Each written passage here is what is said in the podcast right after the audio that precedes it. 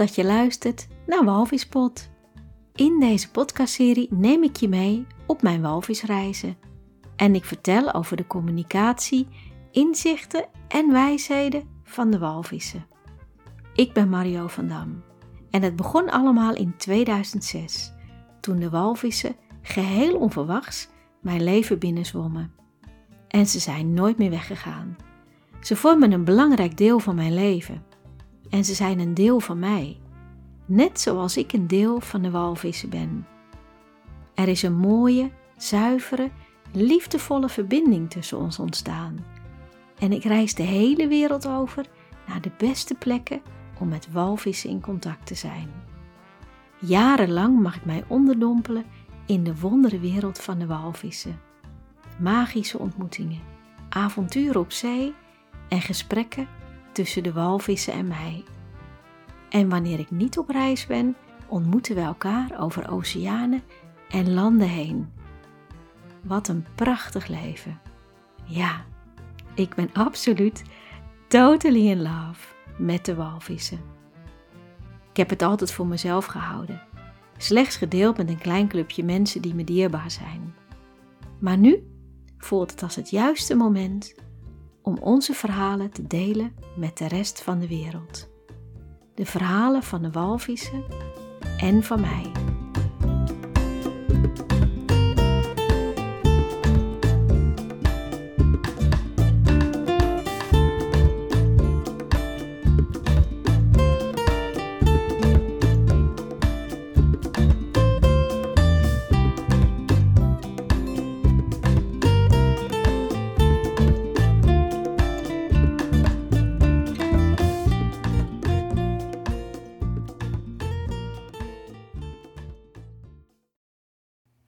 Het is 1 december, bijna Sinterklaas. En daarom is dit een speciale surprise-aflevering. Gek woord hè, surprise. Volgens mij is het gewoon afgeleid van het Engelse woord surprise. Maar ik vind surprise altijd zo schattig klinken. Dat past ook echt bij Sinterklaas voor mij. Dus daarom hou ik het op een surprise-aflevering. Sinterklaas, je raadt het al. Ik hou ervan. Het gaat terug naar mijn ouderlijk huis, waar we heel traditioneel Sinterklaas vieren en geen kerst. Godzijdank. Voor mij is Sinterklaas toch echt iets anders dan kerst. En gelukkig dachten mijn ouders daar ook zo over. En wij vierden toen ik nog geloofde in Sinterklaas het heel traditioneel. Er werd dan op een avond eigenlijk altijd op Sinterklaasavond natuurlijk, keihard op de deur gebonst. En mijn hart bonsde dan minstens net zo hard. En dan renden mijn broer en ik naar de deur, die we dan opentrokken, en dan stond daar de zak van Sinterklaas. Een jute zak helemaal vol met cadeautjes. En er was niemand te zien. En dan keken we naar links en naar rechts. Maar ja, het was natuurlijk gewoon de buurman. Die was lang in zijn huis, die stond in de gang te lachen om onze reacties. En dan riepen wij in koor: Dank u wel, Sinterklaas, dank u wel, Zwarte Piet. En dan sleepten we die zak naar de kamer, waar ze één voor één uitgedeeld werden. Ja, fantastisch. Het enige minpuntje was dat ik ook wel een beetje bang was, terwijl mijn ouders me helemaal niet bang maakten voor Sinterklaas en Zwarte Piet.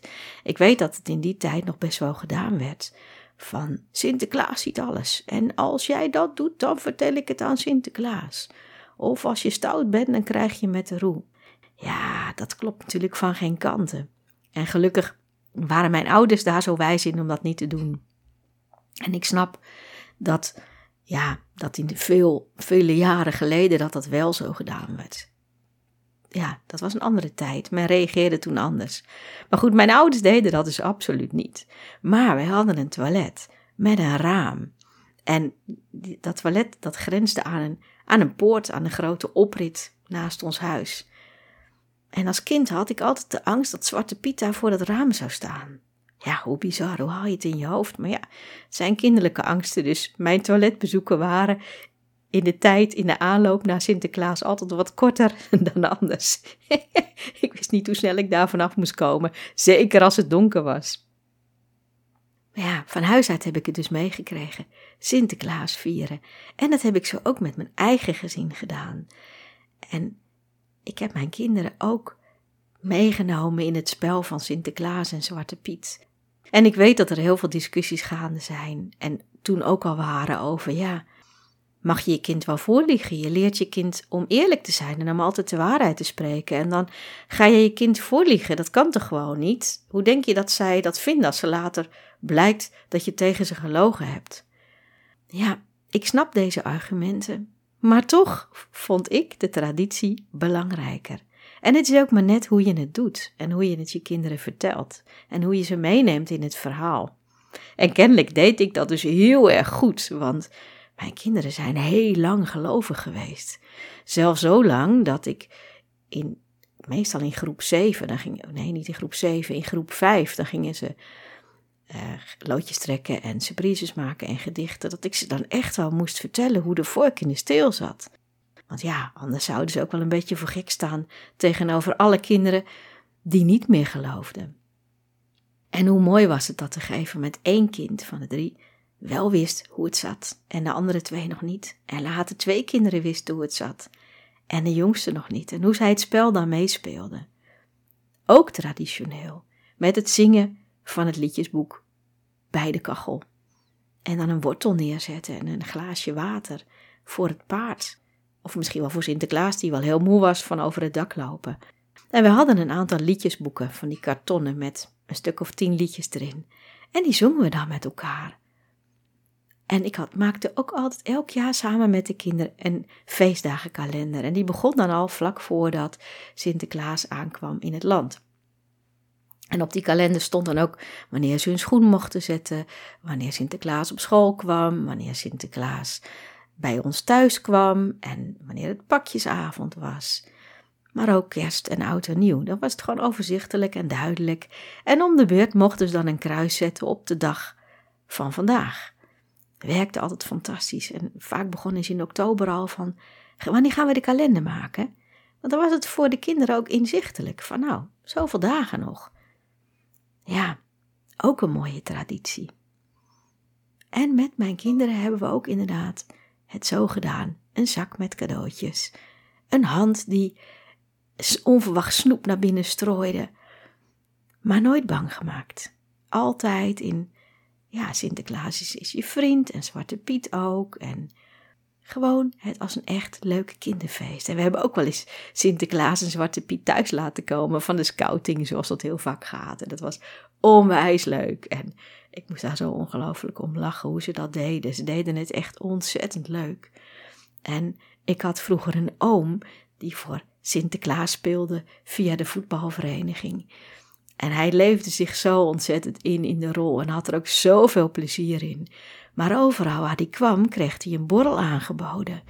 En op een gegeven moment moest hij achter op een kar rondgereden worden door onze woonplaats. Maar had hij zoveel gedronken, ja, dat het dus steeds moeilijker werd. Het was nog wel verantwoord hoor, hij was nog steeds Sinterklaas, maar bij zijn laatste bezoek had hij zoveel gedronken dat zijn knakworst lag in de asbak en hij probeerde zijn sigaren op te eten. Ja, ik zie het helemaal voor me, hoe dat wel ging. Nou, ik hoop maar dat die kinderen dat dan niet gezien hebben, maar ik kan me wel voorstellen dat dat hilarische dingen waren. Misschien is het tegenwoordig niet meer ethisch, maar ja, ik vond dit wel heel erg grappig. Maar ook de vragen van de kinderen: van hoe kan dat nou? Sinterklaas is daar en hij is ook daar. En nou ja, dan kwam je natuurlijk met het verhaal van de hulp Sinterklaas. En ja, waar ik ook altijd enorm van genoot, was naar de intocht van Sinterklaas. Wij wonen in een plaats met heel veel water, dus Sinterklaas kon echt per boot aankomen. En dan stonden wij vlak bij ons huis op de kade en dan hoorden we die boot van toet, toet. En dan wisten we, daar komt de boot. En dan rekten we ons allemaal uit om een glimpje van de boot op te vangen. Ja, daar was hij dan. Sinterklaas zwaaiend op de boot met al zijn zwarte pieten met pakjes en gekkigheid. En ja, echt onwijs leuk. Maar ja, op een gegeven moment komt er toch een tijd dat alle drie de kinderen ingelicht waren over het bestaan van Sinterklaas. En hoe de vork nu werkelijk in de steel zat. En gingen we over op surprises en gedichten. Ja, dat is natuurlijk ook weer een hele mooie tijd met iemand die altijd als laatste begint aan de surprise. Dat zijn ook altijd dezelfde. Uh, geroep, je mag niet in mijn kamer komen. Briefjes op de deur en... Uh, is er nog plakband? Waar is het inpakpapier? En dan nog gestrest op het laatste moment. En dan ook voor school nog iets moeten maken, waar ik dan wel vaak mee meehielp. En dan ja, die pakjesavond en dan die pakjes op de grond en die verwachting van wie heeft er voor wie wat gemaakt. En dan een gek gedicht of een kritisch gedicht. Ja, zo leuk. En tegelijkertijd mochten mijn kinderen altijd hun schoen blijven zetten. Totdat ze het huis uitgingen. Maar er was één voorwaarde. Dan moesten ze wel het hele liedjesboek zingen. dat was ook altijd heel leuk. Want ja, zingen is op een gegeven moment toch een beetje gênant geworden. En dan zong de oudste alleen maar het allerlaatste woord van elke zin. Maar goed, dat rekende ik dan goed. En dan mochten ze hun schoen zetten. En ja, daar zaten dan toch wel kleine leuke dingetjes in waar ik ze mee wilde verrassen. Ik denk dat zij toen ze het huis uitgingen, een van de weinige jonge mensen waren die alle Sinterklaasliedjes nog uit hun hoofd kenden. Volgens mij kenden ze ze nog steeds uit hun hoofd. En op een gegeven moment werden de surprises en de gedichten uitgebreid met een Sinterklaas ganzenbord. Dat we zelf gemaakt hebben. Met allerlei gekke gekke dingen erop. Zoals uh, probeer te fluiten met uh, vijf pepernoten in je mond. Of uh, dans als een zwarte piet door de kamer. Of ook heel leuk, je hebt te veel pepernoten gegeten. Dus je zit vast in de schoorsteen. En op een gegeven moment dacht ik dat dat niet meer zo leuk was. Dus ja, ik, het was een kartonnen ding, dat ganzenbord. Hij was al helemaal ja, versleten.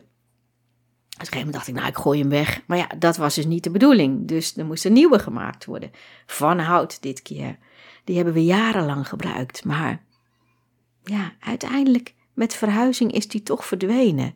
En zijn we overgegaan op het dobbelspel. Ik weet niet of je dat kent, maar iedereen koopt er een paar cadeautjes en dan ga je daarom dobbelen. En het is natuurlijk de kunst om zo leuk mogelijke cadeautjes, maar soms ook hele rare of gekke of lelijke te kopen. En er is altijd wel één cadeautje bij waar iedereen voor gaat. Zo hebben we ooit een keer een Sinterklaasviering gehad, waarbij er een bowlingbal in het spel zat. Nou ja, je zou denken, wat moet je met een bowlingbal? Maar daar hebben we als hardste omgeknokt. En het mooie is dan dat je dan heb je eindelijk wat cadeautjes dat je denkt, oh ja, deze wil ik echt hebben, deze wil ik houden. En dan krijg, trek je een kaartje dat je moet ruilen met je buurman van stoel. Of dat je al je cadeautjes weg moet geven. Of dat iemand iets bij je kan pakken. Ah, ergerlijk.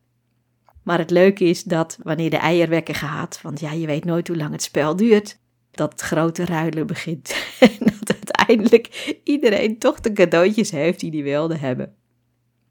Echt heel hilarisch. Ja, en in de tussentijd je natuurlijk helemaal klem eten aan Sinterklaas snoep. En dat je denkt, waarom doe ik dit? Maar het hoort er gewoon bij. Op dat moment is het lekker, maar dat je halverwege de avond een beetje misselijk wordt. Zeker van die schuimpjes, die bol staan van, nou ja, daar moeten we maar niet te veel over nadenken.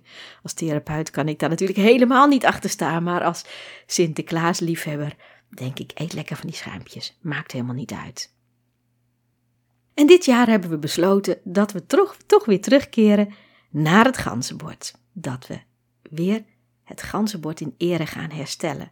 En dat we het dobbelspel nu er even laten voor wat het is. Dat we wel een cadeautje kopen, we trekken wel loodjes, maar we gaan weer uitgebreid ganzenborden. En we hebben een nieuw ganzenbord gemaakt. Met hele gemene, maar ook hele grappige opdrachten. Ja, dat gaan we heel snel spelen. Daar kan ik me nu al ongelooflijk op verheugen. Je hoort het. Sinterklaas, ja, ik hou ervan. Het is echt mijn soort traditie. Kerst vind ik trouwens ook fantastisch hoor. Maar dat is een heel ander soort feest. Dat gaat meer over. Ja, nou ja, misschien gaat het allebei wel over verbinding. Zowel Sinterklaas als Kerst. Het gaat over verbinding en over samen zijn met de mensen die het meest dierbaar zijn. En dat dat is precies wat ik geleerd heb van de walvissen en de dolfijnen. Wanneer ik met ze in de oceaan lig, dan zie ik hoe ze bezig zijn, hoe ze verbonden zijn met alle andere dieren om hun heen, met de kinderen, hoe ze daar ja, liefdevol voor zorgen, hoe ze met ze communiceren.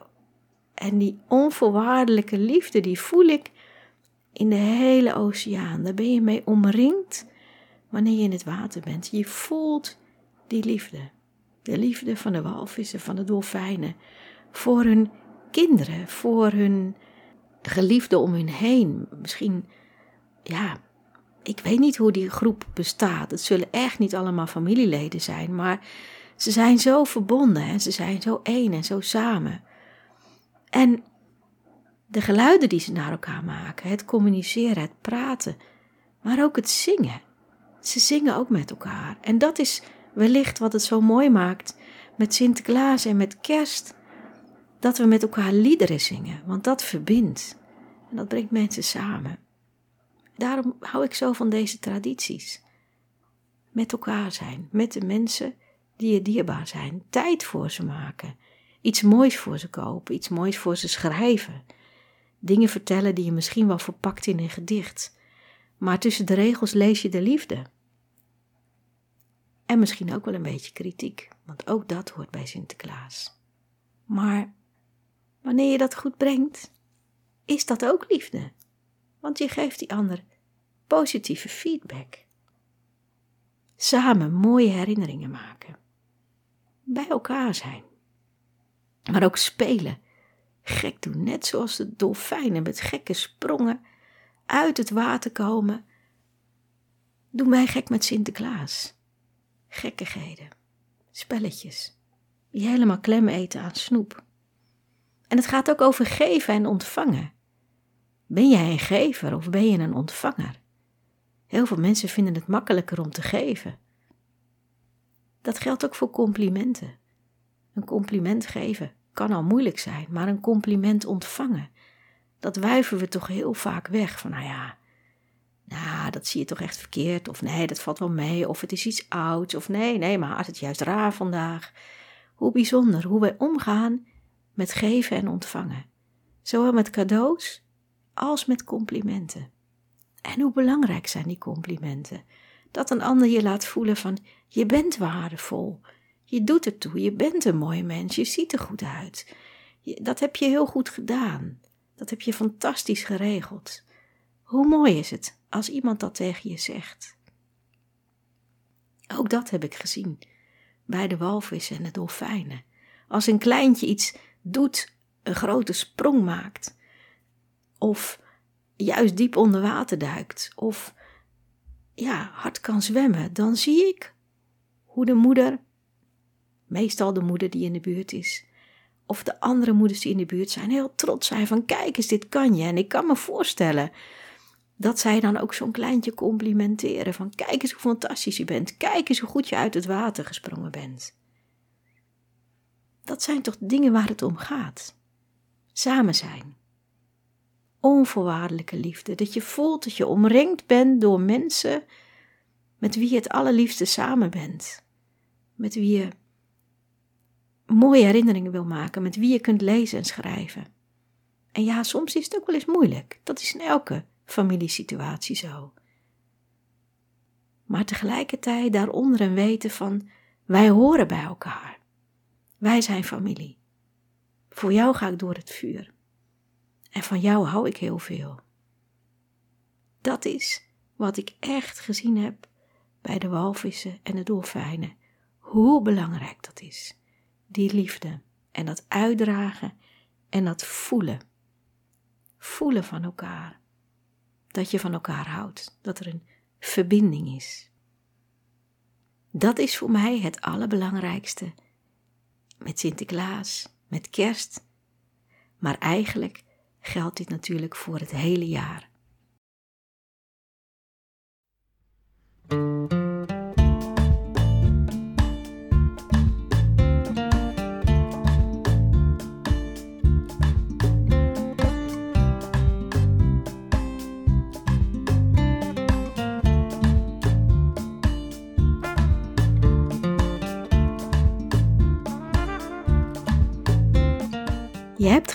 Naar een speciale surprise aflevering van Walvispot. Dankjewel dat je erbij was. Vandaag vertelde ik vooral over Sinterklaas, maar ook over de walvissen en de dolfijnen en hoe er een link bestaat tussen beleving van festiviteiten en beleving met zwemmen met walvissen en dolfijnen. Het kan zijn dat je nu of in de aflevering hoort dat het heel hard regent en waait. In dat geval is het heel passend, want het is hier met recht. Hoor de wind waaien door de bomen. In de volgende aflevering ga ik verder over de reizen die Vincent en ik samen gaan maken. Maar misschien ook nog wel over een symbool. Ik weet het nog niet zo goed. Dat ga je zien en horen bij de volgende aflevering. Mijn naam is Mario van Dam. Je kunt me vinden op Instagram onder de naam will.woman. Ik heb ook een website willwoman.nl. En voor mijn praktijk kun je kijken op flow-shiatsu.nl. Vragen kun je stellen via mario.willwoman.nl. Heb je deze aflevering leuk gevonden? Dan wil je deze misschien wel delen, liken en reviews schrijven. Het zou fantastisch zijn als steeds meer mensen gaan luisteren naar Walvispot. Nogmaals, heel veel dank voor het luisteren. Fijn dat je er deze keer weer bij was. Misschien was het je eerste keer, of misschien heb je alle 20 of nu de 21ste aflevering wel geluisterd. Dat lijkt me echt fantastisch. Zulke trouwe volgers. Dankjewel, überhaupt, voor het luisteren. En voor nu wens ik je een heel fijne tijd. Of dat nu Sinterklaas, Kerst, December of een andere tijd van het jaar is. Geniet ervan, met volle teugen. Laat de liefde stromen en speel. Speel als die dolfijn die uit de zee springt.